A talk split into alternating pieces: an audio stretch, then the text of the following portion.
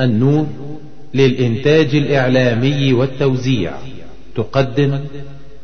إن الحمد لله نحمده ونستعينه ونستغفره ونستهديه ونعوذ بالله من شرور أنفسنا ومن سيئات أعمالنا.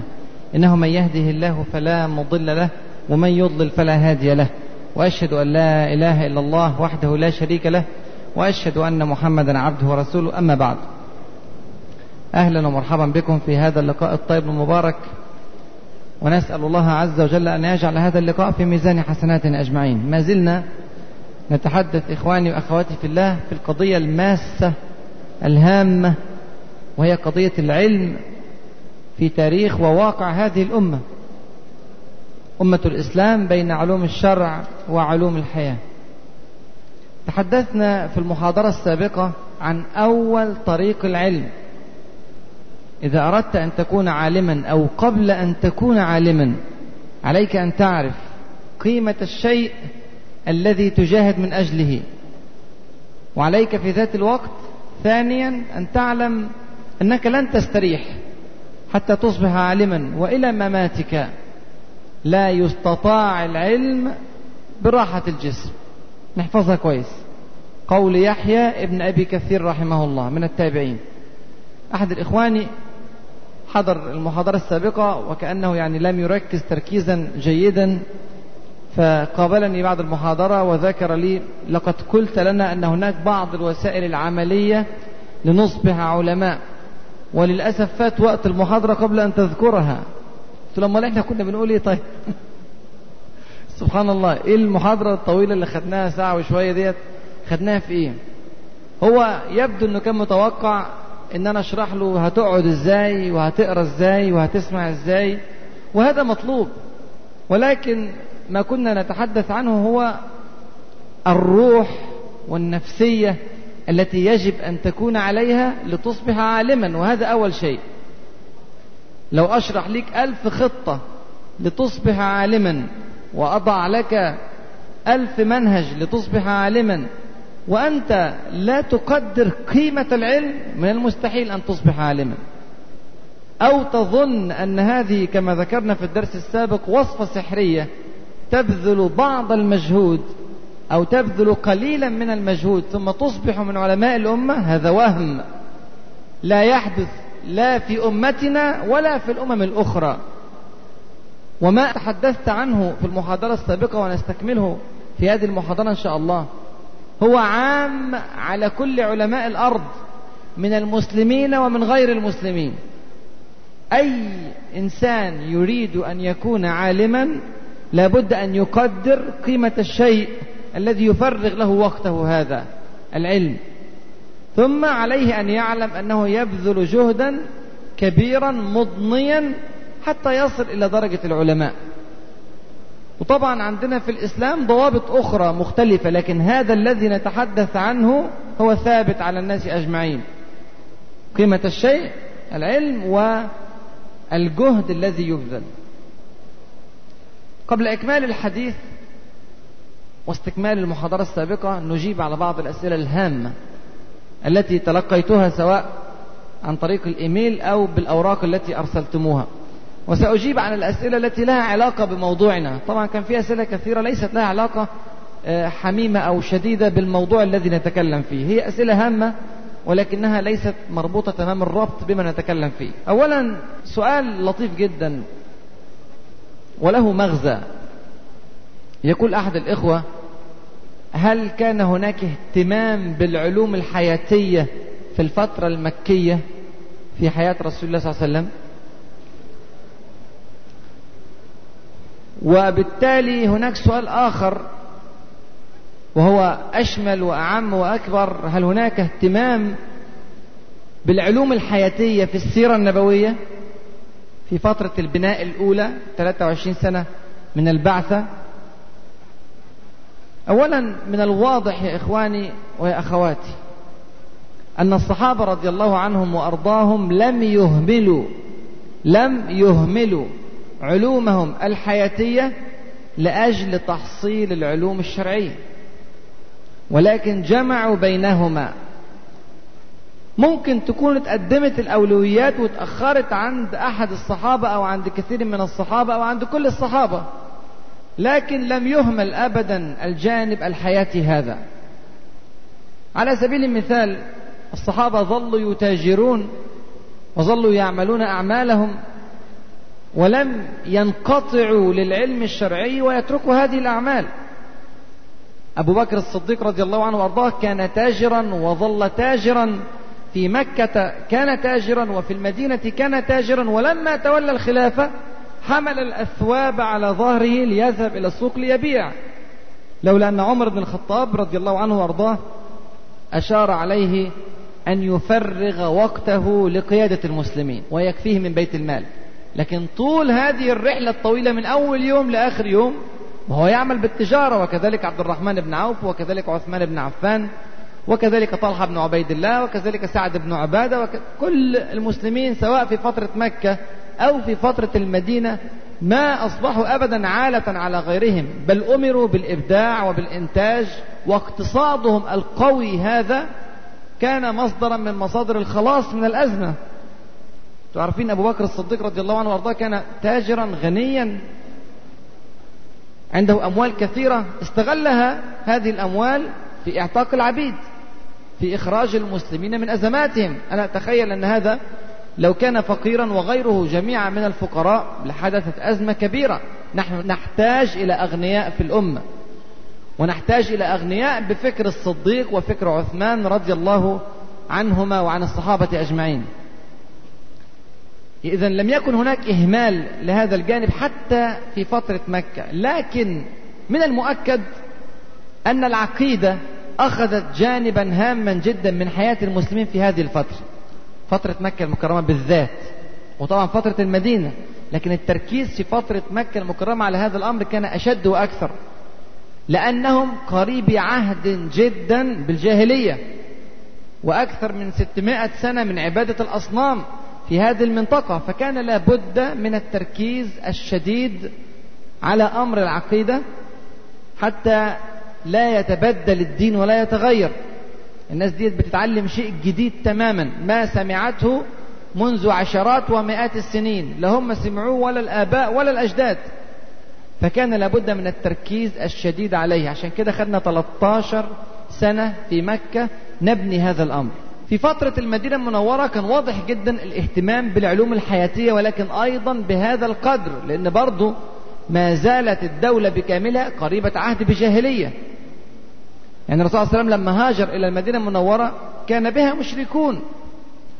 وإلى آخر أيام حياته صلى الله عليه وسلم كان في الجزيرة العربية مشركون. ولذلك فهناك اهتمام بالجانب العقدي نعم ولكن لم يكن هناك إهمال لجانب العلوم الحياتية. ورأينا في بعض الأمثلة التي ضربناها قبل ذلك في المحاضرات السابقة اهتمام الرسول صلى الله عليه وسلم بالقضايا العسكرية واهتمامه صلى الله عليه وسلم بالقضايا الطبية وقضية تأبير النخل وقضية التجارة وما إلى ذلك. أمور كثيرة جدا برع فيها المسلمون بحجم الدولة التي كانوا فيها. من رحمة رب العالمين سبحانه وتعالى وكل شيء في السيرة يا إخواني محسوب وبقدر. أن الرسول صلى الله عليه وسلم بعث في مكة وهاجر إلى المدينة وعاش في منطقة الجزيرة العربية وهي منطقة نائية بعيدة عن الحضارات المختلفة في ذلك الوقت. يعني لا هي عايشة جنب الرومان ولا جنب الفرس ولا جنب الهند ولا جنب مصر. الأماكن اللي فيها تاريخ طويل من العلوم الحياتية قبل ذلك. لأن المسلمين في هذه الفترة لو انفتحوا تمام الانفتاح على هذه الحضارات بما فيها من فلسفات وأفكار وعقائد مغايرة تماما ومخالفة تماما لدين الإسلام لكانت كارثة. هؤلاء حديث عهد كما ذكرنا بالجاهلية.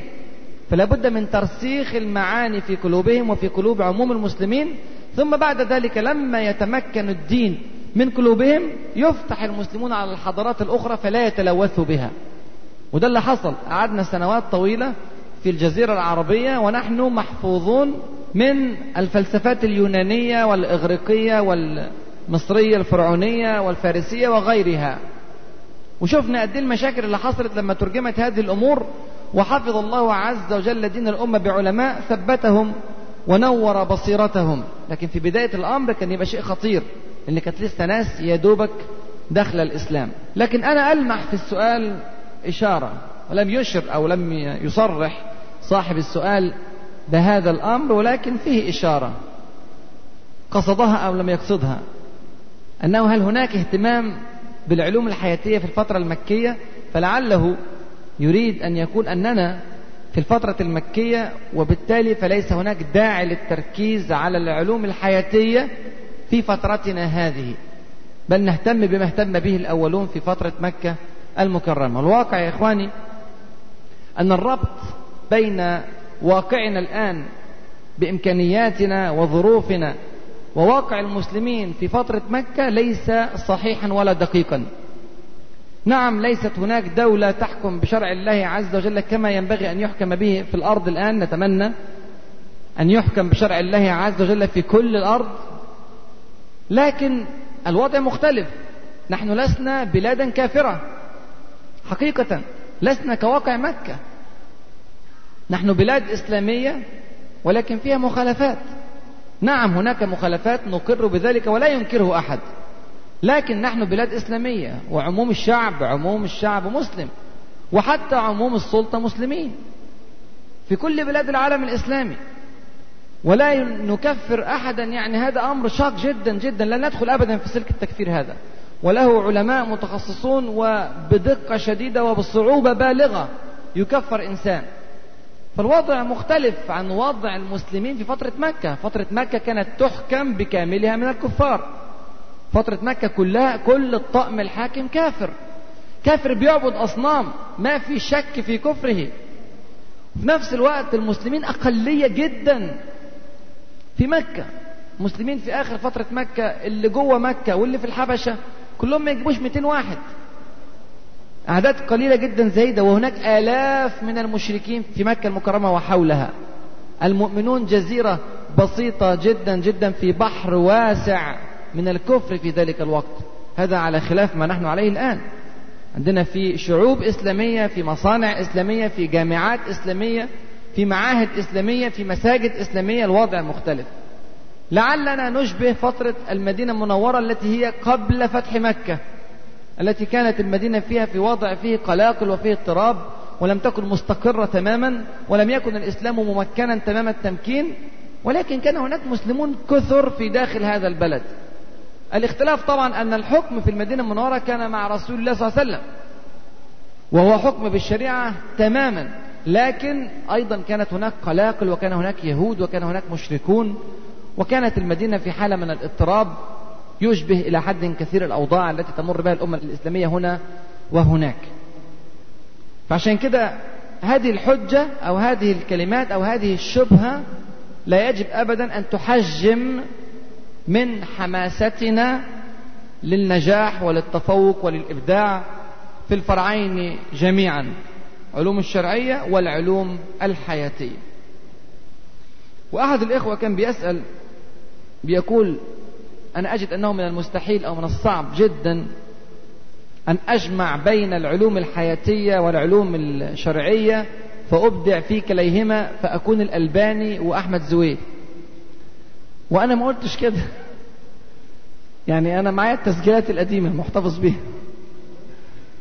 فما نريد منك أبدا أن تكون عالما مبدعا في العلوم الشرعية وفي ذات الوقت عالما مبدعا في العلوم الحياتية. إنما قلنا أن هناك حد أدنى من العلوم الشرعية لابد أن تتقنه.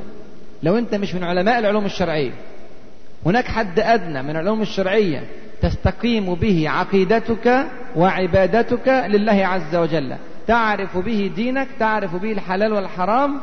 تتقي الشبهات. تسير يعني دون إفتاء ولا إبداء. الآراء في المشاكل الفقهية العويصة التي تعترض طريق المسلمين لها متخصصون. وفي ذات الوقت أنت مبدع في مجالك في مجالك الحياتي الذي أنت فيه. أما إن كنت من علماء الشرع فمطلوب منك الإبداع أيضا في تخصصك.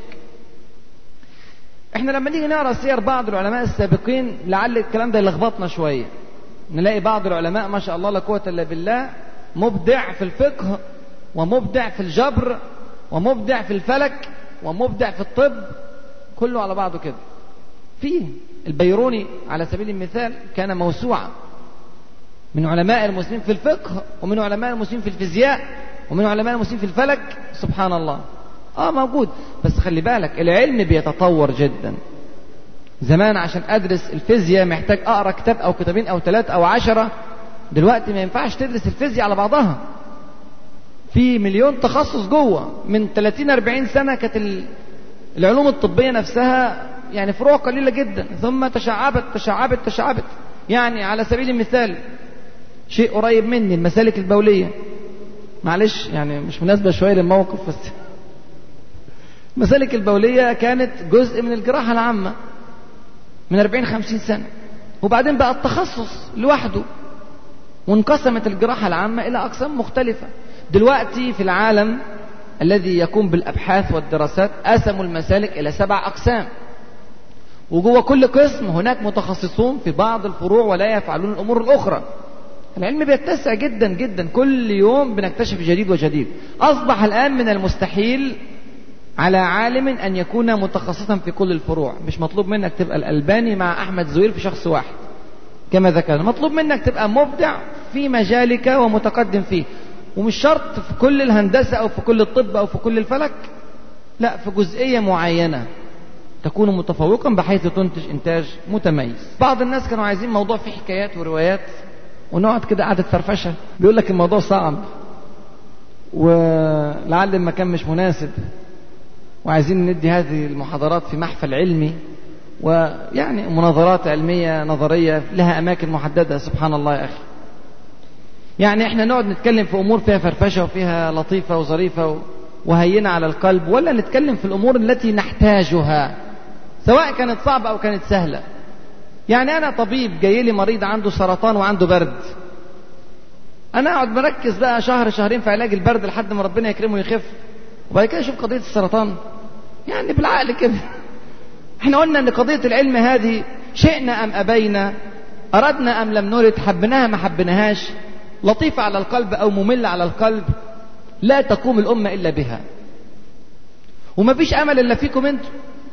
فعلا الناس كتيرة جدا جدا من غير أهل المساجد ضاعت ضمائرهم وماتت هممهم وعاشوا لدنياهم. مين هيتحرك لبناء الأمة الإسلامية؟ إن لم يتحرك لا المخلصون الحريصون على مجالس العلم وعلى بناء الأمة الإسلامية وعلى الصحوة الإسلامية وعلى القرآن والسنة. من يتحرك إن تقاعس هؤلاء؟ من يتحرك إن وجد هؤلاء؟ أن الكلام في الجروح أمر ممل أو أمر صعب. خلينا نتكلم في حاجة مريحة للنفس. لا يا إخواني المكاشفة والوضوح أمر ضروري للإصلاح. وزي ما قلنا في أول المحاضرة أو أول المحاضرات لابد أن نرصد الواقع. أول طرق الحل نرفع الواقع. فاللي إحنا شفناه ورصدناه ده من فجوة واسعة بيننا وبين غيرنا أو بيننا وبين ما ينبغي أن نكون عليه. هذا المفروض أن يحرك فينا الهمم. مش عيب أننا نكتشف هذا الأمر دلوقتي لكن العيب أننا نعرف الكلام ده ونطنش نسيبه ما نتحركش. أحد الإخوة كان بيسأل أو بيقترح أو يعني بيفترض إن اضطهاد الكنيسة للعلماء في أوروبا في أوائل النهضة الأوروبية العلمية الأخيرة هذه كان بسبب أن علماء الكنيسة أو رجال الكنيسة يخافون أن يكشف تحريفهم للتوراة والإنجيل. هو ده تبريره يعني في ظنه أن هذا هو التبرير. لكن أنا ما أعتقد هذا الأمر لأنهم كانوا يحاربون علماء الحياة. يعني بيحاربوا عالم الفيزياء وعالم الكيمياء وعالم الفلك بيحاربوا دولت. طب ليه بيحاربوهم؟ لأنه يا إخواني العلم حقيقة سلطان. الناس تحتاج إلى العلماء. الكنيسة في ذلك الوقت كانت سلطان أوروبا. المرجعية الحكمية وفي كل الأمور كانت للبابا وللقساوسة. فإذا ظهر من ينافسهم على السلطان حتى وإن لم يجلس على كرسي السلطان لكن بعلمه وبقيادته العلمية للمجتمعات هذا خطير بالنسبة لهم. فهي منافسة. حجاج ابن يوسف الثقفي سأل أحد أعوانه من هو سيد البصرة؟ مين أعظم واحد في البصرة؟ فقال له الحسن البصري رحمه الله من التابعين الحسن البصري. فقال كيف وهو مولى؟ هل إنسان فقير ومولى؟ فكيف يصبح سيدا للبصرة؟ قال احتاج الناس إلى دينه ولم يحتج هو إلى دنياهم. فأصبح سيدهم. الناس كلها عايزاه هكذا العالم. الناس كلها تطلبه. فاكرين كلامنا على عطاء بن أبي رباح؟ رحمه الله وهو قاعد في الكعبة وسليمان بن عبد الملك وأولياء العهد. معه يسألونه في ذلة وهو يجيب في عزة. رحمه الله محتاجينه. عالم. سواء في العلوم الشرعية أو في العلوم الحياتية الناس تحتاج إلى العالم فالعالم سلطان. هكذا. فعشان كده كان في اضطهاد لهؤلاء العلماء خوفا على سلطان الكنيسة. واحد بيسأل هل القرآن والسنة مصدر للعلوم الطبيعية والعلوم الإنسانية؟ العلوم الطبيعية زي الكيمياء والفيزياء وغيره. والعلوم الإنسانية زي الإدارة والتنمية البشرية والتاريخ وغيره من العلوم. الواقع يا إخواني أن الكتاب والسنة ما هماش كتب كيمياء وفيزياء وطب وفلك لكن وضعت فيهم بإحكام شديد وبإعجاز عجيب ضوابط تحكم خط سير المسلمين أطر عامة قواعد عامة في الكتاب وفي السنة. ناخد إحنا القواعد ديت ونبدع كيفما أردنا أن نبدع بالطريقة التي نريد بحيث لا نتعارض مع هذه الضوابط. والحكمة ضالة المؤمن حيث وجدها فهو أحق الناس بها. دور في أي حتة في العالم كله على علم حياتي لكن بالأطر الشرعية بالضوابط الشرعية. ساعات بعض الناس بتدور بخلاف هذه الضوابط فتضل. يعني مثلا في أمريكا تعرفين هناك بيتجوزوا الراجل من الراجل. بيتجوزوا يعني. ليه؟ الفعل قوم لوط عليه السلام. لكن أصبحوا يجعلونه كقانون فيذهبوا للمحكمة ويعملوا عقد الزواج. بل إن بعض الكنائس في بعض الولايات في أمريكا أقرت هذا الأمر. طيب جوزوا فما فيش أولاد. عايزين برضو عندهم أسرة. يعني فعملوا عملوا التبني. مرحلة. فتبنوا طفل ويبقى واحد يقوم بدور الأم وواحد يقوم بدور الأب. ما الستات بالهبل هناك ما أعرفش ليه العقدة. يلا. أكتر من كده بقى دلوقتي دخلوا العلم في القضية. عايزين يجيبوا الرجل ويزرعوا جواه بويضة ملقحة في الغشاء البريتوني في بطنه عشان يحمل.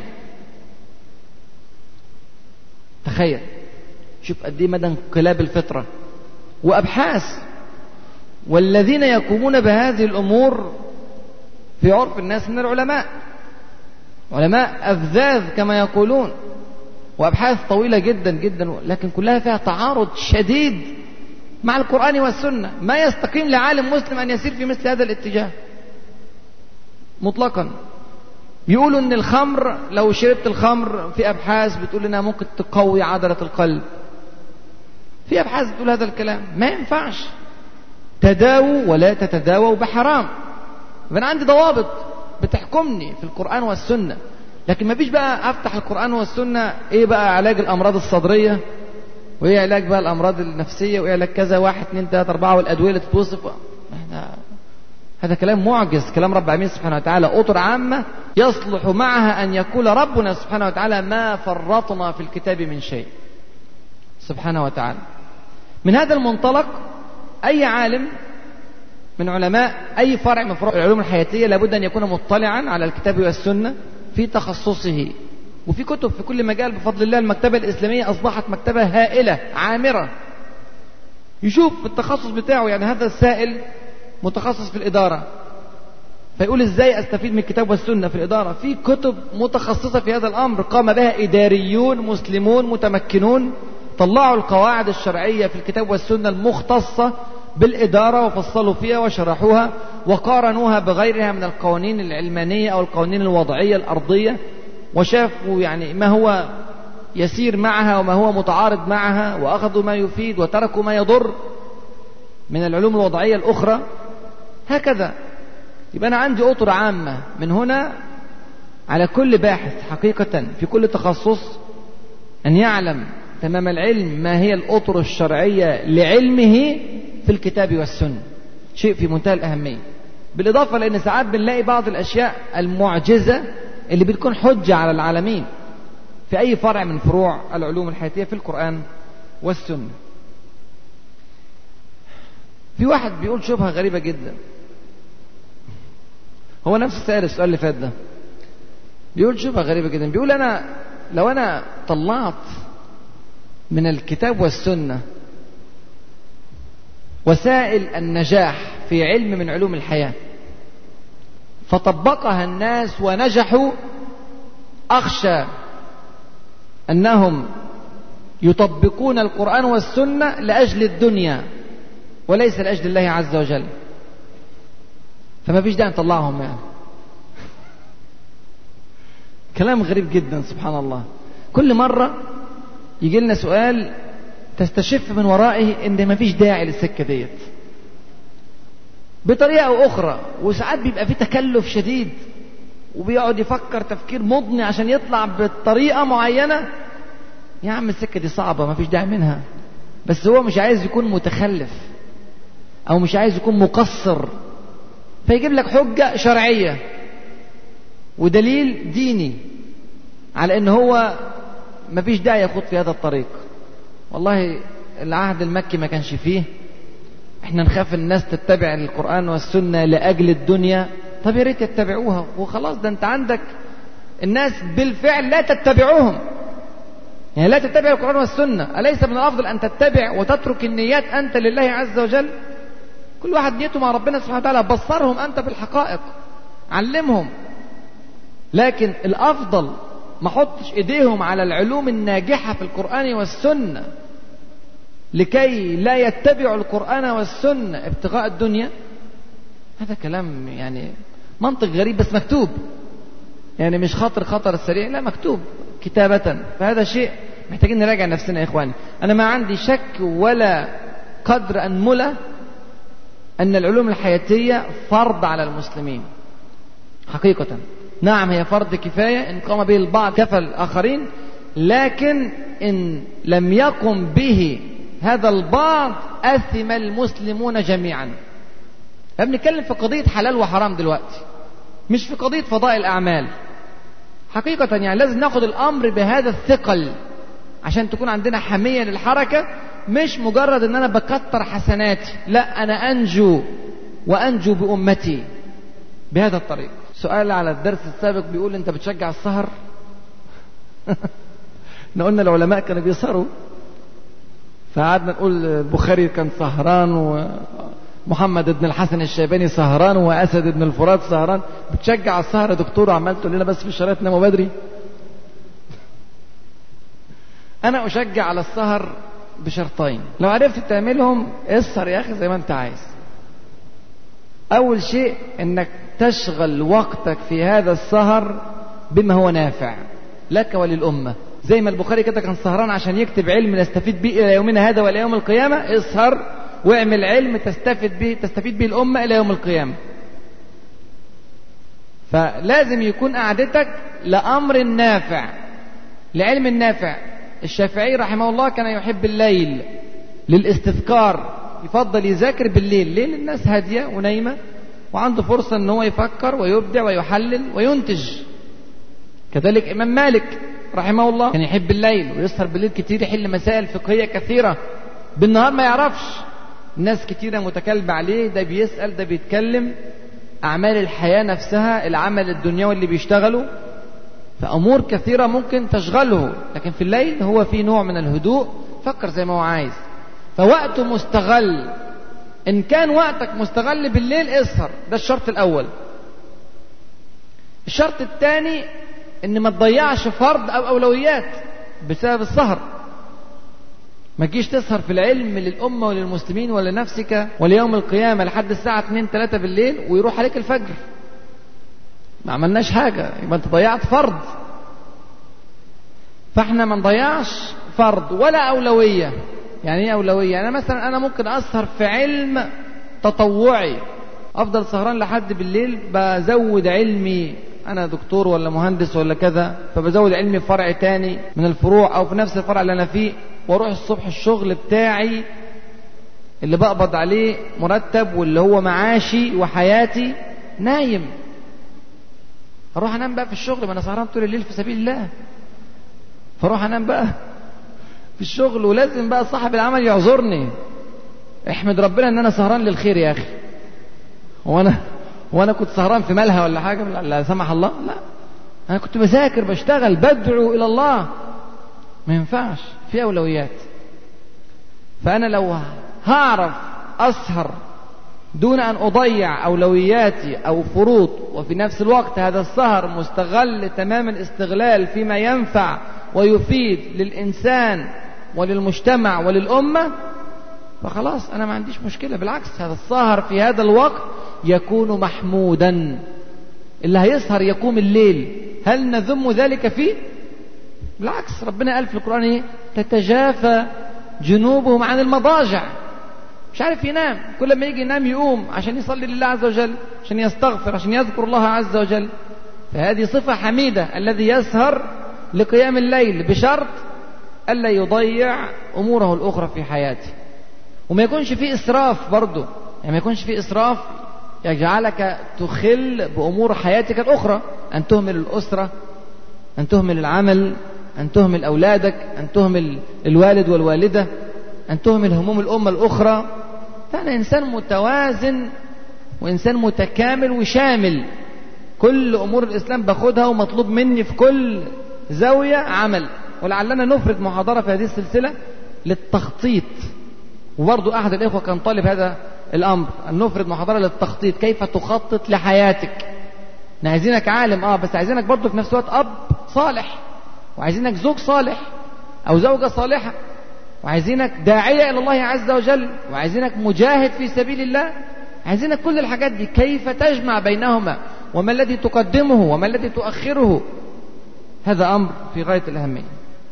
وفي واحد بيقول إن هو كل ما يذاكر يجي له ملل. أو كل ما يجي يقرأ في العلم يجي له ملل فيقفل الكتاب بسرعة. بيتحمس في الدرس وبيطلع بعد كده يروح يذاكر فبياخد ربع ساعة ثلث ساعة نص ساعة حسب قوة الشحن بتاعته. وبعد كده بيحصل له أنتوا عارفين. وده طبعا إحنا بنضحك بس للأسف كلنا مصابين بيه. يعني معظم المسلمين وإلا ما كانش ده يبقى حال المسلمين. أصل الموضوع إيه؟ نص المحاضرة الأولاني بتاع المحاضرة اللي فاتت. قيمة الشيء. لو فعلا حاسس بقيمة العمل مش هيجي لك ملل. وأفكركم بكلمة الشافعي رحمه الله.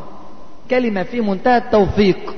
سئل كيف طلبك للعلم؟ قال كطلب المرأة المضلة ولدها ليس لها غيره. هتزهق؟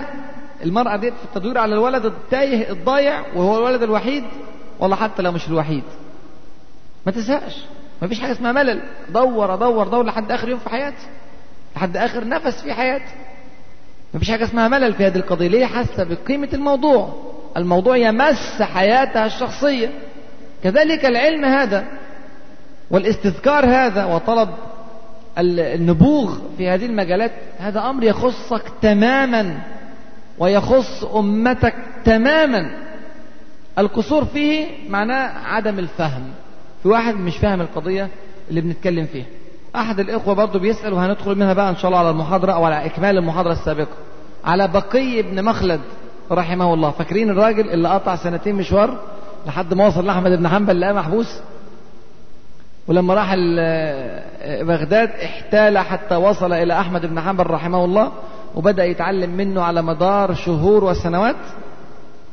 بيقول إيه حكايته ده في الآخر يعني وصل لإيه؟ عمل إيه يعني؟ إيه بقيت قصته؟ فبقي ابن مخلد رحمه الله عاد بعد ذلك إلى الأندلس بعد أن جاب البلاد طولا وعرضا. يعني هو راح في المشوار بتاعه ده لبغداد. رجع راح الشام تعلم على ايدين علماء الشام ونزل المدينة ومكة المكرمة وبعدين اتجه لمصر. خد من كل مكان علم من كل مكان علم سبحان الله ثم عاد إلى الأندلس. وبدأ بقى يسجل العلم بتاعه ده. فكتب مسند بقي ابن مخلد. مسند مسند أحاديث. روى فيه عن ألف وتلتمائة صحابي. ما هو لف بلاد كتيرة جدا. سمع من الناس اللي سمعت من صحابة راحوا العراق. وسمع من ناس سمعت من الصحابة اللي عاشوا في المدينة واللي عاشوا في مكة واللي راحوا الشام واللي راحوا مصر. في مسنده روى عن 1300 صحابي. وجمع 30 ألف حديث 969 يعني تقريبا 31 ألف حديث. وهو بذلك أكثر من مسند الإمام أحمد بن حنبل شخصيا. اللي هو راح يتعلم على أيديه في بغداد. وصل إلى درجة عالية جدا جدا جدا من الفقه والعلم والتفسير رحمه الله والتحديث. يعني كان متميز في أكثر من فرع من فروع العلم. المشوار اللي قطعه ده يا إخواني ما راحش هباء منثورا أبدا. التعب الذي قضاه والمعيشة الصعبة التي مر بها والأيام الشديدة التي مرت عليه في بغداد وهو يتسول أو يتظاهر بالتسول حتى يستطيع أن يأخذ حديثا أو حديثين أو ثلاثة من أحمد بن حنبل رحمه الله. كل الكلام ده ما راحش عمل به المسند. ابن حزم رحمه الله الإمام الفقيه المسلم المشهور يقول ما أعلم هذه الرتبة لأحد قبله. رتبة المسند بتاعه. رتبة المسند أنه أعلى المسانيد لا أعلم هذا لأحد قبله. مع ثقته ثقة بقي بن مخلد وضبطه وإتقانه واحتفاله فيه وجودة شيوخه. روى عن 284 رجل ليس فيهم عشرة ضعفاء. يعني كان ينتقي الرجال الذين يروي عنهم عالم بالرجال وكان يسأل عن الرجال ويدقق رحمه الله. وكان كما يقول ابن كثير علامة كان فقيها صواما قواما متبتلا ثم يقول وكان عديم المثل. هذا تعديل ابن كثير له أو وصف ابن كثير له رحمه الله جميعا. ويقول الذهبي في حقه سبحان الله. ومن الثابت أن من مناقبه أنه كان من كبار المجاهدين في سبيل الله. يقال شهد سبعين معركة في سبيل الله. في الأندلس. كان في حروب كثيرة مع الصليبيين في الأندلس. شهد سبعين معركة في سبيل الله. لم يكن منقطعا فقط للعلوم. لكن سبحان الله شوف متفوق زي أسد بن الفرات. هو الذي نشر مذهب إمام مالك في شمال أفريقيا كله في الأندلس وهو اللي فتح صقلية وهو الذي مات شهيدا. رحمه الله شوف التفوق في أكثر من مجال. في بركة في حياتهم. إنجاز في كل مجال. في بركة. الله عز وجل يفتح هذه البركات على من يرضى عنه. فيحدث ما لا تتخيله. وإن شاء الله في المحاضرة القادمة اللي هنتكلم فيها على عنصر هام جدا جدا من العناصر المميزة لأي عالم هيتضح لنا الإنجاز المعجز حقيقة لكثير من علماء المسلمين سواء في علوم الشرع أو في علوم الحياة. ويقول ابن حزم أقطع أقطع أنه لم يؤلف في الإسلام مثل تفسيره. برضه ليه تفسير قرآن يقطع ابن حزم أنه لم يؤلف في الإسلام مثل تفسير بقي ابن مخلد رحمه الله. يبقى الجهد اللي بذله يا إخواني ما ضاعش الجهد اللي بذله ما ضاعش ربنا سبحانه وتعالى بارك فيه وأنتج إنتاجا عظيما وانتفع المسلمون وينتفعون وسينتفعون إن شاء الله إلى يوم القيامة بجهد هؤلاء العلماء. نرجع نكمل اللي كنا بنتكلم فيه. إحنا قلنا إن العلماء رضي الله عنهم العلماء هؤلاء عانوا كثيرا حتى يصلوا لهذه المرتبة. عانوا في السهر وعانوا في السفر. وفي الرغو أوقات هائلة للعلم. طب يا ترى وضعهم المادي كان شكله إيه؟ عشان إحنا دي قضية بتشغلنا برضو. قضية دايما شغلانة. يعني أنا دلوقتي هبقى إيه وضعي المادي لو مشيت في السكة اللي بتقولي عليها ديت. عملت لي ما شاء الله 20 30 بحث وفي الآخر يعني شقة متواضعة و... وماشي بصورة متواضعة. أنا عايز برضو أعيش. ولا تنسى نصيبك من الدنيا. مش كده ولا إيه؟ الآية الوحيدة اللي حافظها في الكتاب. ولا تنسى نصيبك من الدنيا. أو يعني اعمل لدنياك برضه. مش كده ولا إيه؟ يعني تلاقيه ملقط كده حديث وآيات تخدم المشروع بتاعه. مشروع الدنيا اللي هو عايش فيه. الناس دي كانت حالتها شكلها إيه؟ انظروا إلى مكحول رحمه الله. مكحول من التابعين. مكحول هذا كان عبد يباع ويشترى. يقول مكحول من عظماء التابعين من علماء التابعين رحمه الله يقول أعتقت بمصر. كان عبد يباع ويشترى في مصر. فأعتق أعتقت بمصر. فلم أدع بها علما إلا حويته فيما أراه شوف الكلام. ما تركش ذرة علم موجودة في مصر إلا حواها. مصر جاء صحابيون كتير في مصر عاشوا فيها. وجاءها أيضا من التابعين وعاش فيها من العلماء. كل علم هؤلاء حواه مكحول رحمه الله. كفاية؟ لا مش كفاية. طالب العلم لا يشبع أبدا. ثم يقول ثم أتيت العراق ومن بعدها المدينة فلم أدع بها علما إلا حويته. العراق والمدينة المنورة يا الله. شوف كم الصحابة اللي راحوا العراق وشوف كم الصحابة اللي عايشين في المدينة المنورة وحوى علم المدينة وعلم العراق. ثم يقول ثم أتيت الشام.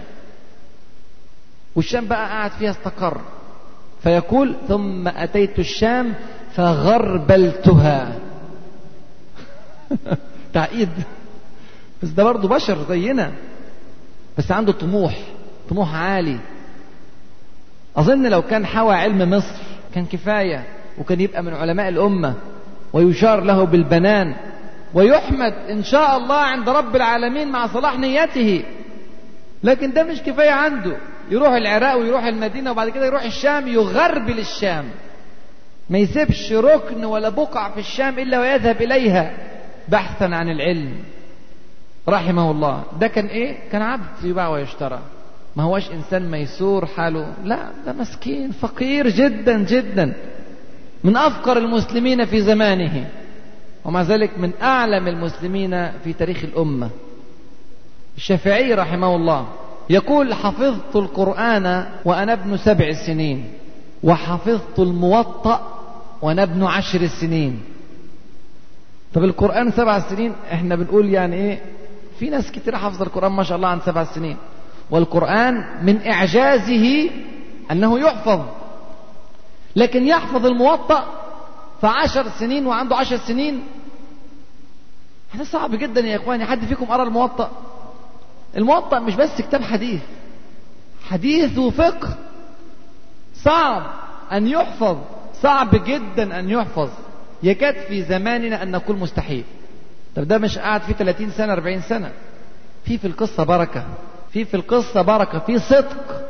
طب بقى كان مريح ووضعه مستقر وعنده أم غنية وأب غني وبيصرفوا عليه فالراجل متفرغ لقضية العلم. انظر ماذا يقول عن نفسه. ولم يكن عند أمي ما تعطيني أشتري به قراطيس لأكتب عليها. ما فيش عندها قروش قليلة تديها له يشتري بها ورق يكتب عليه. ما فيش كراسة يكتب عليها. وعايز يحفظ ويكتب ويجمع العلم. يعمل إيه؟ فكنت أسير في شوارع المدينة التي يعيش فيها. فإذا رأيت عظما يلوح لي من بعد أخذته فكتبت عليه ثم طرحته في جرة قديمة لنا. فبيجمع العلم فوق عظم بيكتب على عظم عشان ما عندوش تمن الورق. هذا الشافعي رحمه الله. وكان يدخل المساجد وهو في الثالثة عشرة من عمره 13 سنة. يناظر العلماء. 13 سنة بقى بيناظر العلماء. رحمه الله. ولما عنده 13 سنة العلم بقى بدأ يكتر ومناظرات العلماء تكتر وعايز يكتب ويكتب والعظم مش مكفي. هيحط العظم ده كله فين؟ مشكلة. إحنا بنتبسم بس انظر إلى المعاناة التي كان يعيشها. هو مش بيدور على عظمه وبيبتسم زينا كده. حالته صعبة يا إخواني فقير معدم؟ لكن ما في عائق أمامه ليتعلم رحمه الله. طب إيه الحل؟ عايز ورق ومعوش. فكان يذهب إلى الديوان. الديوان الحاكم الوزارة الإمارة فيستوهب الظهور. يعني إيه الكلام ده؟ يستوهب يعني ادوني هبة. يعني بعرفنا الأيام دي يشحت. الظهور إيه الظهور؟ الورق اللي مكتوب على وشه وظهره فاضي وما عادوش عايزينه. ورق فيه مراسيم خاصة بالحكومة مراسلات ما عادش ليه لازمة. واحد بيجرب بحسبة معينة كلام معين على صفحة ظهرها فاضي. ادوني ورق اكتب على ظهره.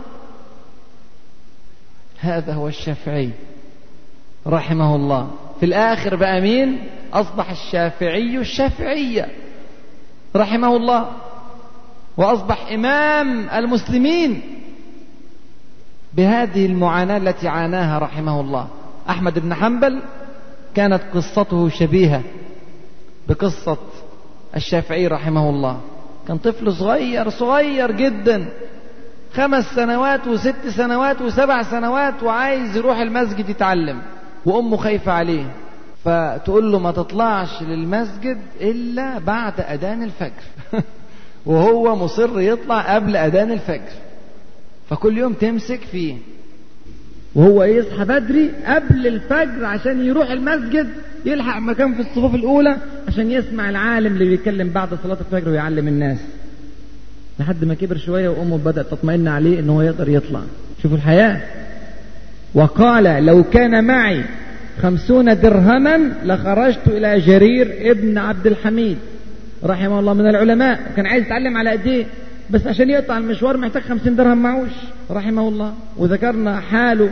كان بيشتغل شيال في اليمن وكان بيشتغل في أعمال يعني بسيطة جدا جدا وهو خير أهل الأرض في زمانه رحمه الله. سفيان الثوري رحمه الله لما أراد أن يتعلم قال يا رب لابد لي من معيشة. أنا عايز أتعلم وعايز أهب حياتي للعلم بس لازم يكون في أكل وشرب لازم يكون في معيشة معيش. فأمه النجيبة الفاهمة الواعية وهذا كلام لأخواتنا. وافتكروا السؤال يا أخوات اللي كنت بتسألوه في الأول نعمل إيه في قضية العلم؟ وقلنا الدور الرئيسي مع الزوج والأولاد وهناك أدوار أخرى كما فصلنا قبل ذلك. أمه قالت له يا بني تفرغ للعلم وأكفيك بالمغزل. وبدأت تشتغل رحمها الله بالمغزل عشان تبيع أشياء بسيطة جدا بدراهم معدودات وهو يستمر في بحثه في العلم فأصبح سفيان الثوري رحمه الله من عظماء التابعين. والبخاري رحمه الله وإن كان البخاري أتمنى أن ييسر الله عز وجل لنا وقتا فنفرد له درسا خاصا. مش هينفع البخاري كده اننا نتكلم عليه على عجالة مرة ومرتين وثلاثة لا هذا من خير أئمة المسلمين رحمه الله وصاحب أعظم كتاب سنة وأصدق وأصح كتاب بعد كتاب الله عز وجل على الأرض. صحيح البخاري. البخاري رحمه الله بيحضر درس علم بيتعلم وهو شاب عنده 16 17 سنة وعنده 16 سنة على فكرة كان يحفظ 70 ألف حديث. هو عنده 16 سنة كان يحفظ 70 ألف حديث وكان يبقى ماشي في الشارع 16 سنة. الآلاف يوقفونه في الشارع ليسألوه عن حديث رسول الله صلى الله عليه وسلم. فمرة قعد يومين ثلاثة ما يروحش الدرس فافتقده أصحابه فذهبوا إليه فوجدوه في بيته وهو عريان من الثياب الخارجية. ليس له الثياب يخرج بها إلى المسجد. فقير تمام الفقر ما عندوش لبس يلبسه أصلا. فيقول أصحابه فجمعنا له من بعضنا بعض الدراهم واشترينا له ثوبا ليحضر الدرس معنا بعد ذلك. رحمه الله. يحيى ابن معين رحمه الله ترك له أبوه ألف ألف درهم مليون. تخيل في هذا الزمن كان مليونير. شوف بقى التضخم اللي حصل والعملة اللي حصل فيها. شوف ساعتها كان مليونير. شوف معاه قد إيه. فأنفقها كلها. في سبيل تحصيل العلم والحديث حتى قرب مماته لم يجد نعلا يلبسه. الكلام ده مش أساطير. الكلام ده أسماء معينة بنذكرها وأحداث معروفة وموثقة. هذا يحيى ابن معين هذا البخاري هذا الشافعي هذا أحمد بن حنبل هذا الإمام مالك كما ذكرنا في الدرس السابق. الإمام مالك كان غني. أنفق أمواله على طلبة العلم وعلى تحصيل العلم حتى في النهاية اضطر يبيع الأساس بتاع البيت. ومش بس أساس البيت باع خشب البيت. خشب السقف ده شاله وباعه عشان يصرف على نفسه. رحمه الله فده شيء شكله ماشي مع الناس كلها. رحمهم الله جميعا. العلم عندهم يا إخواني ما كانش لحظة من اللحظات أو عند الشباب أو عند فترة الدراسة. لا العلم معاه لحد الموت. كما قلنا كلمة أحمد بن حنبل الموفقة مع المحبرة إلى المقبرة.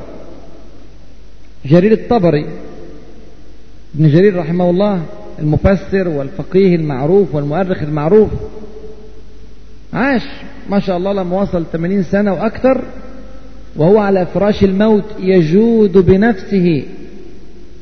دخل عليه أحد العلماء يعود في مرضه فذكر حديثا حديث حديث الرسول صلى الله عليه وسلم. ما كانش عند ابن جرير الطبري فأخرج من تحت الفراش الورقة والقلم.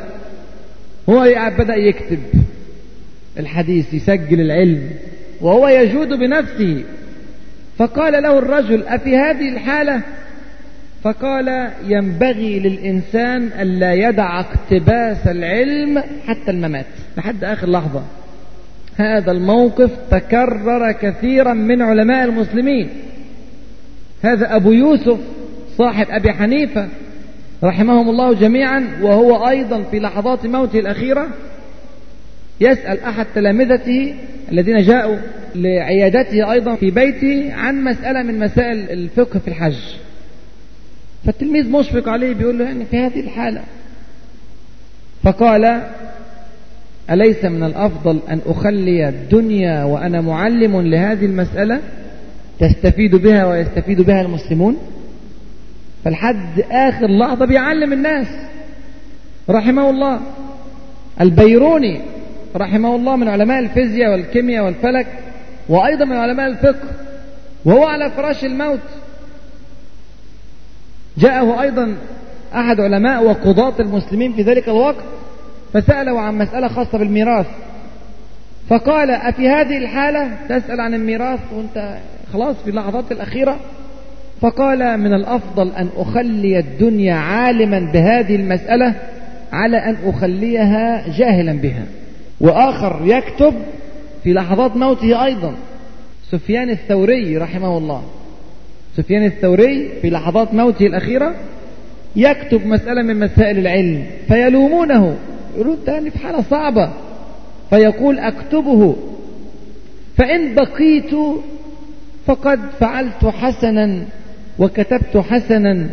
وإن رحلت فقد تركت حسنا. الناس هتستفيد باللي أنا سبته ده؟ علم ينتفع به. يبقى إلى اللحظات الأخيرة في حياتهم رحمهم الله كانوا على هذه الدرجة من التحصيل. هو ده اللي عايزينه منكم. واحد بيقول الموضوع صعب. صعب. نعم هو صعب. مش إحنا قلنا قبل كده إن نسبة العلماء في العرب 136 لكل مليون والعلماء في إسرائيل 1335 لكل مليون. في إسرائيل بس لما كان العرب كلهم 136 إسرائيل 1335 أمريكا أكثر من 4000 عالم لكل مليون. اليابان أكثر من 5000 عالم لكل مليون. يعني إيه الكلام ده؟ يعني النسبة دي تطلع كام؟ نسبة اليابان ديت. نسبة اليابان نص في المية. 5000 من مليون يعني نص في المية. يعني عندهم لكل 200 واحد فيهم عالم. يعني لو إحنا حاضر في المسجد هنا ألف واحد يبقى إحنا محتاجين منهم كم عالم؟ خمسة. عشان أبقى زي اليابان.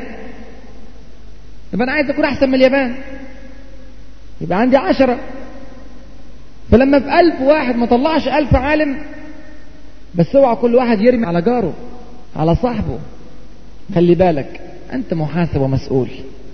لو صاحبك اشتغل ليس هذا مبرر لك يوم القيامة وليس هذا منجيا لك يوم القيامة. كل نفس بما كسبت رهينة. كل واحد فينا يكون هذا الواحد أو هذا الواحد من العشرة أو من العشرين أو من الألف. وتاريخ الأمة يشهد بذلك. وإن شاء الله هيكون لنا برضو لقاء نتحدث فيه عن الإنجازات العلمية في تاريخ المسلمين. صور رائعة من الحضارة الإسلامية. إن شاء الله نفرد لها حديثا خاصا. هل هذا الجهد يا إخواني كان من علماء الشرع فقط؟ لا برضو علماء الحياة. في تاريخ الإسلام أنجزوا إنجازات هائلة لم تأتي إلا بجهد جهيد. ومحتاجين محاضرة خاصة لكن نمر في هذه المحاضرة اليوم على بعض الأمثلة. ابن الهيثم رحمه الله ابن الهيثم من أعظم علماء البصريات في التاريخ من أعظم علماء الضوء وله اكتشافات مذهلة. وعلى اكتشافاته هذه قامت النظريات العلمية الحديثة كلها. ومن المستحيل أن تجد كتابا من كتب علم الضوء في العالم لا يذكر فيها اسم ابن الهيثم ولا كتاب المناظر الذي ألفه وليس هو الكتاب الوحيد له. إن شاء الله هيكون لنا كلام على ابن الهيثم برضه في دروس القادمة. ابن الهيثم كانت حالته المادية صعبة. وكانت تأتيه الأموال تعرض عليه الأموال. كان مقربا من الأمراء لأن الأمراء كما ذكرنا قبل ذلك والخلفاء كانوا يقدرون العلم في معظم أيام الدولة الإسلامية. طبعا في لحظات ضعف لكن في معظم أيام الدولة الإسلامية كانوا يقدرون العلم. فكانوا يقدرون ابن الهيثم فيعطيه الأمير أو الخليفة مالا فيرد له المال. يرفض ابن الهيثم رحمه الله ويقول له إن أنا ادخرت هذا المال كنت خازنا عليه. يعني لو أنا أخذت المال اللي أنت اديتهوني ده وفرته في البيت هفضل قاعد أحرسه. كنت خازنا عليه. وإن أنا أنفقته كنت وكيلك في إنفاقه. ده المال أصل بتاعك وأنت اديتهوني فأنا هنفقه بدالك. لا أنفقه أنت أحسن. لا أريد أن أنفقه أنا. فيقول فإذا شغلت نفسي بهذين الأمرين الادخار أو الإنفاق. فمن ذا الذي يشتغل بعلمي؟ شوف قضية العلم عنده قد إيه؟ أنا خايف أخد فلوس أغرق فيها. أنشغل في الحفاظ عليها أو أنشغل في إنفاقها. خليها لك. خلي لك الفلوس. احفظها أنت وانفقها أنت وأنا هتفرغ للعلم. وإلا لو تفرغت لدنياكم فمن يتفرغ للعلم؟ هذه همم عالية. ليس من فراغ أن يكون عالما من علماء الأرض. رحمه الله هذا أتى من هذا الجهد الذي بذل. يقول ابن الهيثم رحمه الله وإني ما مدت لي الحياة باذل جهدي ومستفرغ قوتي في مثل تحصيل هذه العلوم متوخيا من ذلك ثلاثة أمور. يعني أنا ليه ببذل هذا الجهد الضخم في تحصيل العلوم. ليه بذاكر هذا الاستذكار الكثير؟ ليه بسهر وبتعب؟ ليه برفض المال لأجل تحصيل العلم؟ ليه؟ ثلاث حاجات. احفظوها كويس. في منتهى الروعة. أول شيء إفادة من يطلب الحق ويؤثره في حياتي وبعد مماتي. لله رب العالمين.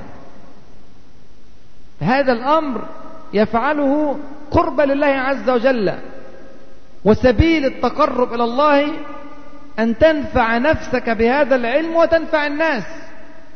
ودائما يأتي العلم على لسان حبيبنا صلى الله عليه وسلم مقرونا بالنفع. فيقول علم إيه؟ ينتفع به. إذا مات ابن آدم انقطع عمله إلا من ثلاث صدقة جارية وعلم ينتفع به وولد صالح يدعو له. فعلم ينتفع به. بعد الموت الناس عمالة تدي ابن الهيثم حسنات وحسنات وحسنات لأجل ما قدم في حياته من علوم. فهذا هدف من الأهداف الرئيسية له. الهدف الثاني أني جعلت ذلك ارتياضا لي بهذه الأمور في إثبات ما يتصوره ويتقنه فكري. من تلك العلوم. طبعا محتاجين ترجمة. مش عارفين إيه التهنة. القصد اللي يقصده إن أنا أتلذذ وأتمتع بهذه المسائل العلمية. فلما أقوم بهذا البحث هذه رياضة لنفسي. هذا إمتاع لفكري وعقلي. متعتي إن أتعلم. وعلى فكرة كلنا هنمر بهذه المرحلة إن شاء الله لو ركزنا في طريق العلم. الأخ اللي بيقول أنا بيجي لي ملل وبعض الإخوة برضو وأنا ماشي في بعض الدروس السابقة كانوا بيقولوا لي يعني إحنا بنبذل جهد بس المذاكره يعني مش لطيفة يعني. فانا بقول له إن فعلا في البداية بيبقى الأمر صعب. صعب صعب صعب. لحد ما تتقن العلم. فإن أتقنته أحببته. وإن أحببته صعب عليك فراقه. فتبذل الجهد والوقت والفكر في تحصيله دون عناء. ما تشعر بالمشقة التي يشعر بها أولئك الذين لا يدركون قيمة ما يقرؤون ويسمعون. ابن الجوزي رحمه الله كان يجلس على النهر ليأكل الخبز. طب ما ياكله في أي حتة؟ لا أصل الخبز اللي بياكله ده ناشف جدا. خبز يابس فقير مش لاقي يشتري خبز طري. فبيجيب خبز يابس ويقعد على نهر كان اسمه نهر عيسى. يقعد على النهر يبل الخبز وياكله. فيقول وأجد لذلك لذة عظيمة في حلقي لأني أفعل ذلك ابتغاء تحصيل العلم. أنا هذا الكفاح كله وهذا التعب كله عشان بحصل العلم متفرغ له فما عنديش وقت كبير لتحصيل الأموال. وحالتي فقيرة فقير معدم.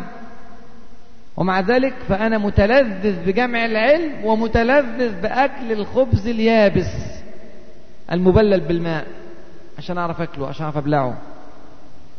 فينقلب يا إخواني طبيعي هتمر بمرحلة الصعوبة. ما تفتكرش إنك هتخرج هنا متحمس تفتح كتاب الكيمياء؟ الله ما ألذ الكيمياء. لا مش متوقع. لكن هي هتيجي بعد شوية. والله هتيجي. أنا مررت بهذه التجربة بنفسي يعني دخلت الكلية. أول سنة وتاني سنة صعبة. يقول لك أول ست شهور في الكلية صعبة. واحد قال له طب ما تيجي بعد ست شهور. ما تسيبك من أول ست شهور الصعبين دول. فهو الأول صعب. وأنا لما أجي أراجع الكتب اللي كنت بذاكر فيها في أولى وثانية وأشوف الحاجات اللي كنت مترجمها سبحان الله إيه ده؟ أنا كنت مترجم الكلام ده. يا نهار أبيض ده أنا كنت مضايع يعني زي ما بيقولوا. ومرت الأيام فين؟ على أواخر سنة ثالثة على ما حبيت الطب. الأول أولى وثانية أنت بتقرأ مضطر عشان تنجح. وعلوم صعبة ومخالفة لما كنت عليه في الثانوية العامة الكلام السهل البسيط اللطيف بتاع الثانوية العامة. لا دخلت في سكة تانية خالص. ناس كتيرة كرهت الطريق. لينا والله أصدقاء في أولى طب وفي تانية طب سابوا الكلية. ما قدرش يستحمل الوضع اللي هو ده. وفي ناس كملت زي ما تكمل. وفي ناس بدأت تجتهد وتجتهد. على سنة ثالثة بدأت تحب المواد على سنة رابعة بدأت تشتاق إليها.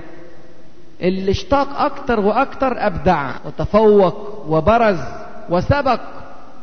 واللي عايش زي الناس ما عايشة أهو واحد من ضمن آلاف موجودين. فلو أنت عندك حمية إن شاء الله هتوصل لدرجة الحب للعلم. وهذا في كل الطاعات ليس في العلم فقط. طلب العلم طبعا من أقرب الطاعات ومن أعظم الطاعات. لكن في كل الطاعات قيام الليل. تفتكر الإنسان اللي بيقوم الليل كل ليلة هذا كان سهل عليه في الأول أنه يقوم الليل؟ يقول أحد التابعين كابدت قيام الليل عشرين سنة. ثم استمتعت بها بعد ذلك عشرين عاما أخرى. وقعد عشرين سنة يصلي وهو تعبان. يقوم الليل وهو تعبان. مرهق. ما هو إنسان طبيعي. عايز ينام وعنده مشاغل وعنده كذا. في مشقة. العشرين سنة اللي وراها كان ينتظر الليل. إمتى بقى يجي الليل عشان أقوم الليل؟ يستمتع بقيام الليل. بس لازم الحتة الأولانية في الأول. ما ينفعش أخش على العشرين سنة الثانية مباشرة. يبقى لازم أخد الطريق من أوله. استحمل شوية وبإذن الله وستلقى محبة الأمر في قلبك. يبقى الأمر الثاني إنه كان مستمتع. ابن الهيثم رحمه الله. أول أمر بيعمل كده عشان الثواب والأجر ونفع الناس في حياته وفي مماته. والحاجة الثانية بيعملها لأن هذه متعة له. والحاجة الثالثة جميلة جدا جدا. يقول والثالث أني صيرته هذا العلم صيرته ذخيرة وعدة لزمان الشيخوخة وأوان الهرم. يعني إيه الكلام ده؟ يعني هيجي وقت أكبر في السن. لو ما عنديش علم متميز فيه وطريق ماشي فيه من طرق العلم أنا خلاص هتبقى صحتي تعبت ما أقدرش أسير زي الشباب وأروح هناك وأعمل و... هقعد انشغل في هذا العلم عندي قضية تشغلني لحد ما يبقى عندي سبعين تمانين مئة سنة وأنا مشغول فيها.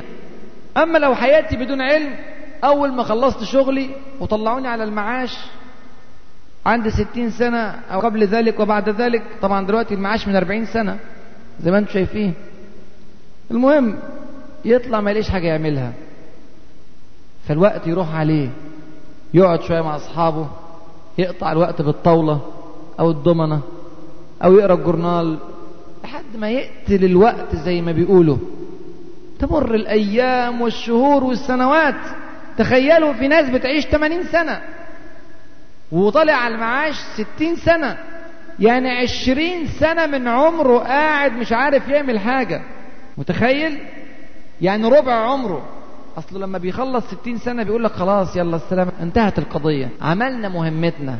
قضينا الرسالة. واللي فاضل من عمره ده طيب ما انت هتحاسب عليه. ما تشتغل. موسى بن نصير رحمه الله فتح الأندلس وكان عنده 72 سنة. بدأ الفتح عنده 72 سنة. فتح الأندلس وأتم الفتح عنده 75 سنة. رحمه الله. يوسف ابن تشفين رحمه الله انتصر في موقعة الزلاقة وكان قائد الجيوش وراكب حصان ورايح هنا وهنا وهنا. وعنده 79 سنة. 79 سنة. وهذا الطبري بيكتب حديث وهو حاجة وثمانين سنة على فراش الموت. وهذا ابن الجوزي برضه حاجة وسبعين سنة. وهذا وهذا وهذا. يبقى هو ابن الهيثم رحمه الله في شبابه أعد لهرمه. يا شباب أعدوا لهرمكم. أعدوا لهذا اليوم. كل ما تبدع في العلوم هتلاقي حاجة تشغلك. وأنت شيخ كبير بل وأعظم من ذلك هتلاقي الناس محتاجالك شيء صعب جدا على نفسية الإنسان الكبير اللي وصل سن كبير إن هو يقول إيه خلاص الناس ما عادش محتاجالي فيقعد في البيت ما حدش عايزه ما حدش محتاج ليه. العالم لا. العالم كلما تقدم به العمر كلما احتاج الناس إلى علمه أكثر وأكثر خبرة. وده بنشوفه في علوم الحياة وفي علوم الشرع. في التاريخ وفي الواقع في بلاد المسلمين وفي غير بلاد المسلمين. صح ولا مش صح؟ العالم كل ما يكبر كل ما قيمته تزداد كل ما يلاقي حاجة تشغله مش فاضي. رحمه الله. الطوسي ده كان عالم في الفلك والرياضيات وكان من المتميزين البارزين المقربين أيضا إلى الخلفاء لعلمه. فهذا الإنسان المتميز عادة ما يكون له أعداء.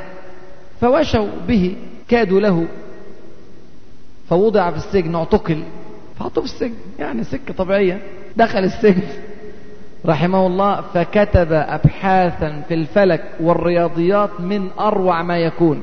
سيد قطب رحمه الله كتب الظلال في السجن. لعله لو كان بره كان انشغل ما كانش كتب. أصبح السجن بالنسبة له نعمة. فعلا لا نتمناها نسأل الله العافية. لكن ما فيش حاجة اسمها تضييع وقت. وده موضوع درسنا القادم إن شاء الله بالتفصيل. لكن الشاهد حتى في هذه الظروف الصعبة كتب الظلال. وقل ما تجد مكتبة في مسجد من مساجد العالم مش أقول بلاد المسلمين ولا مصر ولا إلا ما تلاقي فيها الكتاب. شاهدت ناس بتترجم الكتاب للغات عجيبة. فريق عمل كامل بيترجم الكتاب اللغة الألبانية ترجم الكتاب اللغة الهندية. يعني سبحان الله في جهد بيبذل. لهذا الأمر. فهذا خير. عميم. حصل فين؟ حصل في السجن. كذلك الطوسي رحمه الله. وابن تيمية أيضا له كتابات كثيرة في السجن مفيدة جدا. فخر الدين الساعاتي رحمه الله. مين فخر الدين الساعاتي؟ أحد جهابذة الطب في تاريخ الإسلام. لعل طبعا معظم الناس فاكرها بتاع ساعات. بيصلح ساعات. لا هو طبيب من أطباء الجهابذة. كان يقول يحسدني قومي على صنعتي. لأنني بينهم فارس. سهرت في ليلي واستنعسوا. لن يستوي الدارس والناعس. هم بيحسدوني دلوقتي عشان أنا متميز ومتفوق وبارز. هو ده جاي من فراغ. أنا كنت بسهر الليل أدرس في الطب وهم نايمين. مر بنا موقف البيروني رحمه الله وهو على فراش الموت. يتعلم. وابن خلدون رحمه الله الأخ اللي كان بيسأل على علوم الإنسانية. ابن خلدون واضع علم الاجتماع صح؟ هو أول من كتب في الاجتماع في العالم. ولعلكم سمعتم منذ عدة شهور الاحتفال الضخم التي قامت به أسبانيا. أسبانيا من أشد أعداء المسلمين وأكثر البلاد التي تكره الإسلام والمسلمين. لكن ما يستطيعون أن ينكروا شخصية مثل شخصية ابن خلدون. مع كل ما فعلوه في محاكم التفتيش سابقا والطرد والإبعاد والقتل للمسلمين عموما مع ذلك ما يستطيعون أن يتجاهلوا شخصية كشخصية ابن خلدون رحمه الله. فاحتفلوا بمرور 600 سنة على وفاته رحمه الله. ابن خلدون لم يصبح بهذه المكانة من فراغ. ابن خلدون رحل في طلب العلم من الأندلس ورجع لها بعد 25 سنة. رحلة علم 25 سنة. تخيل. راح تونس وراح الجزائر وراح المغرب وراح مصر وراح اسكندرية القاهرة. يعني سبحان الله تجول في بلاد الأرض ليبحث عن العلم. علشان يكتب مقدمة ابن خلدون هذه. المقدمة التي خلدت اسمه في التاريخ واللي هي فيها أسس علم الاجتماع وفيها قواعد تفسير التاريخ. فيها أمور كثيرة جدا جدا من أعظم الأمور في تاريخ العلوم. عشان يكتب المقدمة دي عمل إيه؟ خد أسرته وراح الجزائر في قلعة في وسط الجبل بعيدة عن الناس واعتكف هناك. ثلاثة أيام خمسة أيام عشرة أيام عشر سنين. اعتكف هناك أربع سنوات كاملة. لا يخرج من القلعة. ملوش دعوة بأي حد تاني بره القلعة. أربع سنوات كاملة. وخرج من القلعة ومعاه الكتاب اللي هو أصبح أساس علم ما كانش موجود في الدنيا قبل كده. رحمه الله. جهد عرق تعب. ابن رشد كان في الطب نابغة. يقال في تاريخه أنه لم يدع النظر في الكتب في حياته كلها إلا في ليلتين. أبوه مات في ليلة واتجوز في ليلة. الحمد لله إن هو ما ذاكرش ليلة جوازه كانت تبقى مشكلة. إنما هو كل الليالي في حياته لابد أن يطالع في الكتاب. لابد أن يستذكر يفحص يكتب. ما عدا بس لما أبوه مات كان بيحبه. ولما اتجوز كان بيحب مراته. ابن سينا أقبل على الفلسفة دارسا حتى إنه لم يترك كتابا سبقه في التاريخ إلا واطلع عليه. وبعدين كمل البحث فقرأ في الحساب وعلم حساب الهند وغيره من أنواع الحساب. ثم أتقن علم المنطق. ثم بدأ يتجه إلى كتب أقليدس من علماء اليونان ثم كتب بطليموس وقرأ وتفنن وأبدع وناظر في هذه الأمور ثم رغب في علم الطب. بعد هذه الرحلة أم رغب في علم الطب؟ فوجدته أسهل من العلوم الأخرى فلم يأخذ منه وقتا طويلا حتى أتقنه. رحمه الله فأتقن علم الطب واحتاج الناس إليه. حتى أصبح أهل زمانه من الطب لا يجازون إلا بقراءة الطب عليه. ثم يقول واختلفت بعد ذلك إلى الفقه فتفقهت وأصبحت من المناظرين. في الآخر بقى آخر جملة اللي هي تقضي علينا جميعا. عشان نروح بيها. قال ففعلت ذلك وأنا ابن ستة عشر سنة. ستاشر سنة. القصة اللي قلناها دي طبعا أنتم مش فاكرين أصلا الكتب اللي هو تخصص فيها أو الفروع اللي تخصص فيها. 16 سنة الإنسان عنده إمكانيات هائلة. هذا خلق الله. هذا خلق الله. فأروني ماذا خلق الذين من دونه. عقلك ده ربنا خلقه بإعجاز. سبحانه وتعالى. إمكانياتك آلاف المرات أكثر من تخيلك. بس إحنا بنشتغل بواحد على ألف من إمكانياتنا. ابن سينا ليس نبيا. ليس معصوما. وله أخطاء كما تعلمون. ومع ذلك سبحان الله. ابن سينا قطع هذا الشوط في هذه العلوم لما وصل 16 سنة كان لا أقول قارئا بل متقنا ومناظرا في علوم الفلسفة والمنطق والهندسة والطب والرياضيات يعني سبحان الله والفقه. 16 سنة. يقول في هذه المدة التي تعلمت فيها من سن 10 سنين لسن 16 سنة اتبهدل ما شاء الله ست سنوات كاملة. يقول في هذه المدة ما نمت ليلة واحدة بطولها. مش من فراغ يا إخوان. ما نمت ليلة واحدة بطولها. ولا اشتغلت النهار بغيره. وطول الصبح شغال في العلم برضه. ما شغلت عن العلم قط. وجمعت بين يدي ظهورا وكتبا مئات وآلاف من الكتب جمعها ابن سينا ويقول وكنت كلما أتحير في مسألة. تجي لي مسألة في أي فرع من فروع العلم أتحير فيها. أعمل إيه؟ ترددت إلى الجامع. يروح للمسجد. فأصلي وأبتهل إلى الله عز وجل حتى يفتح لي المنغلق وييسر لي المتعسر. شوف الجمال. فيفتح له الله عز وجل. وكنت أرجع بالليل إلى داري وأضع السراج بين يدي. مفيش كهرباء زي دلوقتي. هنسأل والله على هذا النعيم. يولع شمعة ويحطها بين إيديه ويشتغل بالقراءة والكتابة. أشتغل بالقراءة والكتابة.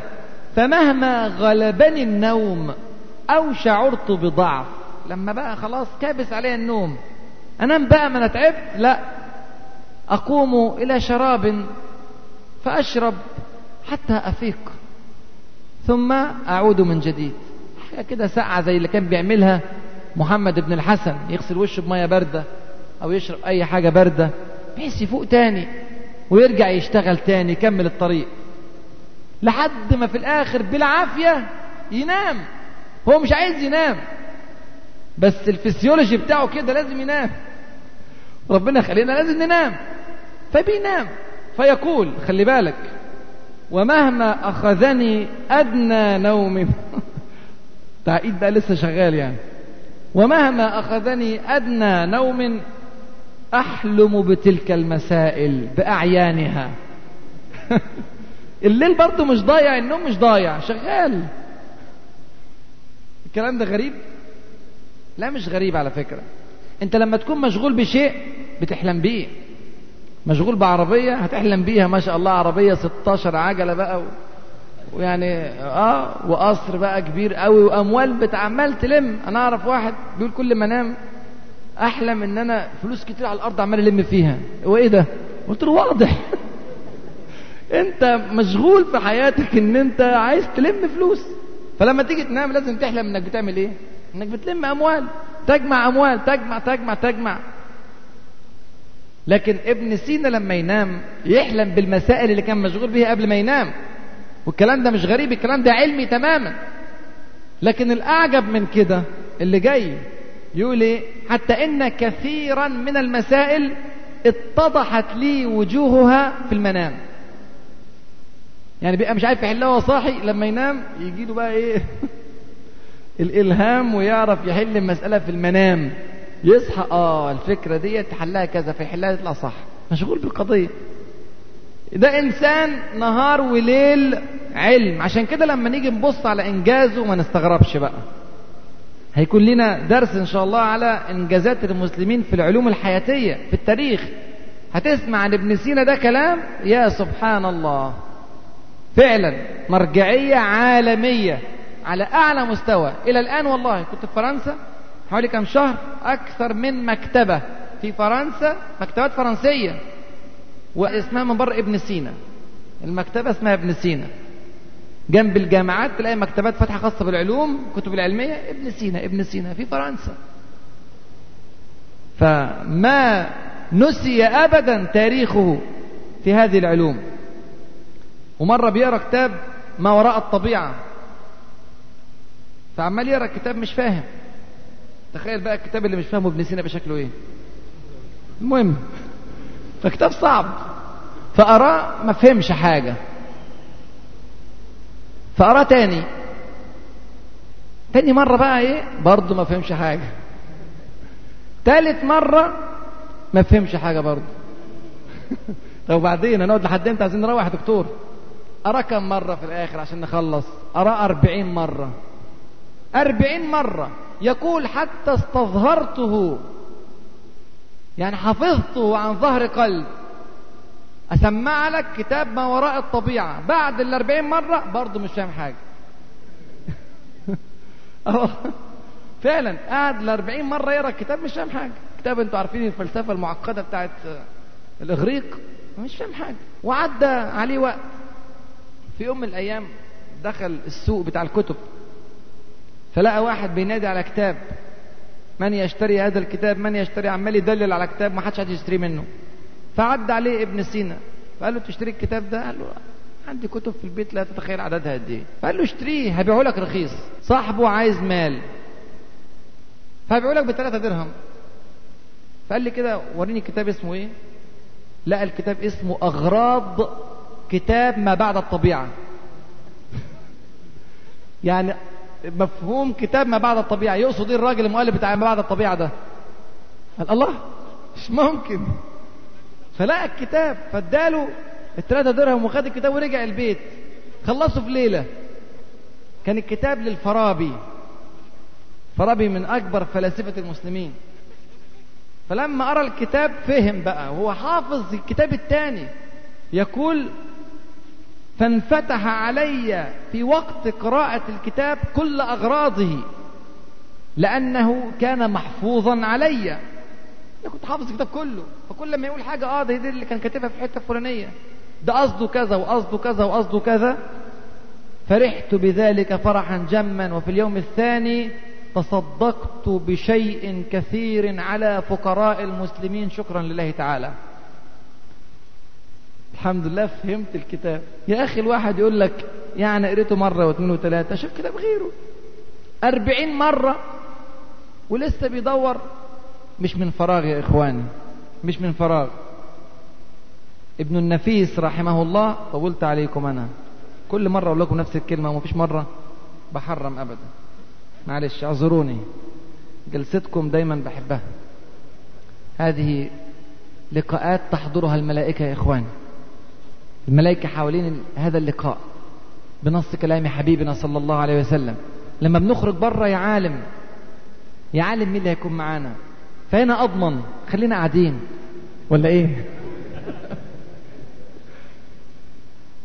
ابن النفيس رحمه الله من علماء الطب الأفذاذ في تاريخ المسلمين. فكان يقعد يألف لما يقعد يألف مش عايز حد يعطله. ومش عايز يضيع وقت.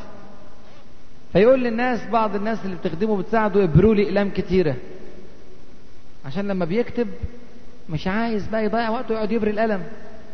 لسه هاخد ثلاث ثواني في بري القلم. هضيع وقت. فإيه؟ لا ابروا لي إقلام كتير يحطوا جنبي الاقلام كده عشان إيه؟ كل ما يخلص قلم ياخد اللي وراه. ويقعد ولما يجي يألف يدي وشه للحيطة. يحط يعذب نفسه كده يذنب نفسه. وشه في الحيطة. عشان ما فيش حاجة تشغله.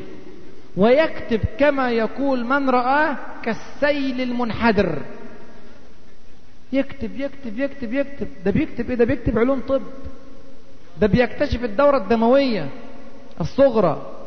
ده بيعمل أعمال ظلت البشرية تحفظها إلى زماننا هذا. وتعتمد عليها في العلم إلى يوم القيامة. أسس راسخة أسسها. رحمه الله إنتاج غزير عظيم. جهد يا إخوان هذا جهد كان من علماء الشرع وكان من علماء الحياة. في حاجة فضلة في المحاضرة الحقيقة اللي هي يا ترى الكلام ده وقلناها في أول المحاضرة بس هنضرب مثالين أو ثلاثة يا ترى الكلام ده خاص بعلماء المسلمين جزئية اللي قلناها ديت؟ لا. العلماء غير المسلمين إذا قدر قيمة العلم واجتهد يصل. مش معقول عالم غير مسلم يجتهد في هذا الأمر ويصل والعالم المسلم لا يصل. يعني ملناش عذر. قصة سريعة جدا. طفل روسي. معدم. فقير. اتولد في سنة 19 1919 في أسرة فقيرة الحال الأب بيشتغل في الزراعة وعنده ست إخوات. وهذا الطفل السابع بيشتغلوا كلهم في الزراعة. بس السابع ده ما كانش بيحب الزراعة كان بيحب الميكانيكا. بس فقير مش عارف يتعلم. دخل المدرسة قعد يتعلم لحد مرحلة المتوسطة إعدادي. بعد كده أبوه ما قدرش يصرف عليه خرجه. لكن بيحب الميكانيكا كل شوية يقعد يرسم رسمة. يعني بوادر اختراع. وكان شايف أبوه تعبان في الزراعة فبيقول يا ترى هل ممكن أقدر أوصل إن أعمل مكنة تساعد أبويا في الزراعة؟ يعمل ميكنة زراعية كان حلم حياته. إنه يعمل الكلام ده. بس ضغط الفقر خلاه يشتغل فراح يشتغل في ورش السكة الحديد. عامل مسكين غلبان بسيط اشتغل في ورش السكة الحديد. وكبر ومرت الأيام. الحرب العالمية الثانية جاءت. سنة 39 وألمانيا دخلت على روسيا والناس يلا تخشوا على الجيش. فدخل الجيش. كان عنده 18 سنة لما دخل الجيش. أو 19 سنة. دخل الجيش برتبة عريف. بسيط برضه مش ظابط يعني. بسيط. اشتغل على دبابة ودخل المعركة. يومين ثلاثة في المعركة وأصيب. خدوهم على مستشفى. في المستشفى عرف من الزملاء والجنود المصابين الروس إن الإصابات الكتير قوي بتاعتهم دي بسبب سلاح ألماني. عندهم اختراع بندقية كده قوية أصابت الكثير من الروس. فقال لك طب ما أنا أعمل بندقية تضاد البندقية الألمانية. وبدأ يصمم. خلوا بالكم هنتكلم على واحد إعدادية. ما كملش الإعدادية. بس عنده حمية وملحد. ده شيوعي أح يعني شيوعي بجد يعني. يعني في روسيا في أيام ستالين ولينين والكلام ده اتربى عاش. في الأيام ديت وداخل الحرب العالمية الثانية في المعسكر الشيوعي الملحد تماما. ومع ذلك عنده قضية فقعد يرسم ويخطط وفي الآخر القوات الروسية أعلنت عن طلب للمخترعين في روسيا أنهم يقدموا وسيلة لإطلاق الأعيرة النارية بسرعة أكثر عشان يجابوا السلاح الألماني. فقال فرصة وقدم الرسمة بتاعته. علماء العسكرية في روسيا درسوا الرسمة بتاعته لقوها في منتهى الروعة. قالوا له تعالى إيه اللي أنت عامله ده؟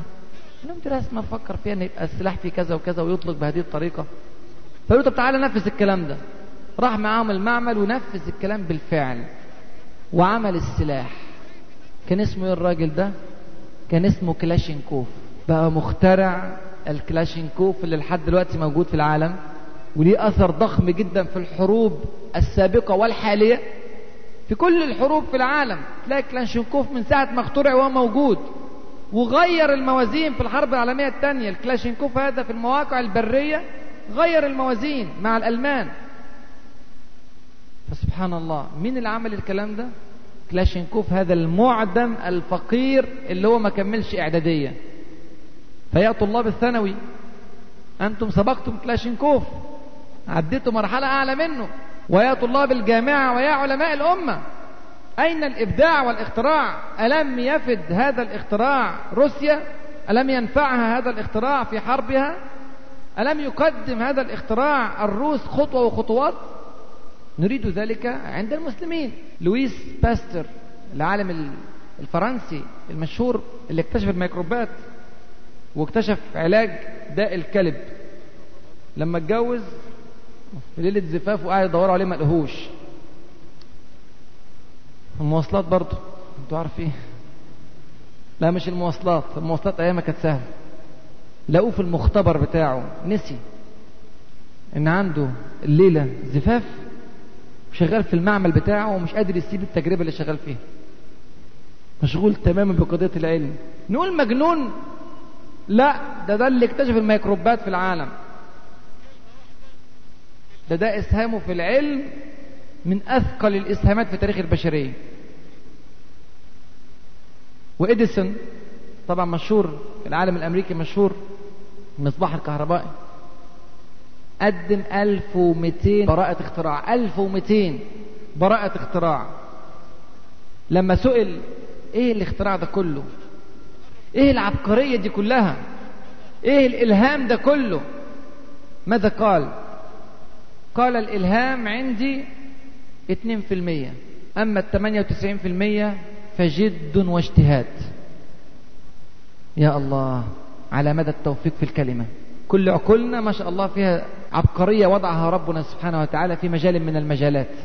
المهم تشتغل عشان تطلعها. إذا كان هذا يستقيم في حق هؤلاء العلماء من غير المسلمين فكيف بالمسلمين الموفقين من ربهم سبحانه وتعالى؟ لابد يا إخواني أختم حديثي بتلخيص ما سبق بإجمال أو بإيجاز شديد كلمة يحيى ابن أبي كثير.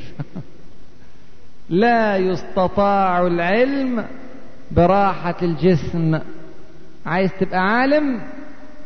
أول طريق العلم اعرف قيمة الشيء ثم ابذل مجهودا لا راحة معه إلى الممات.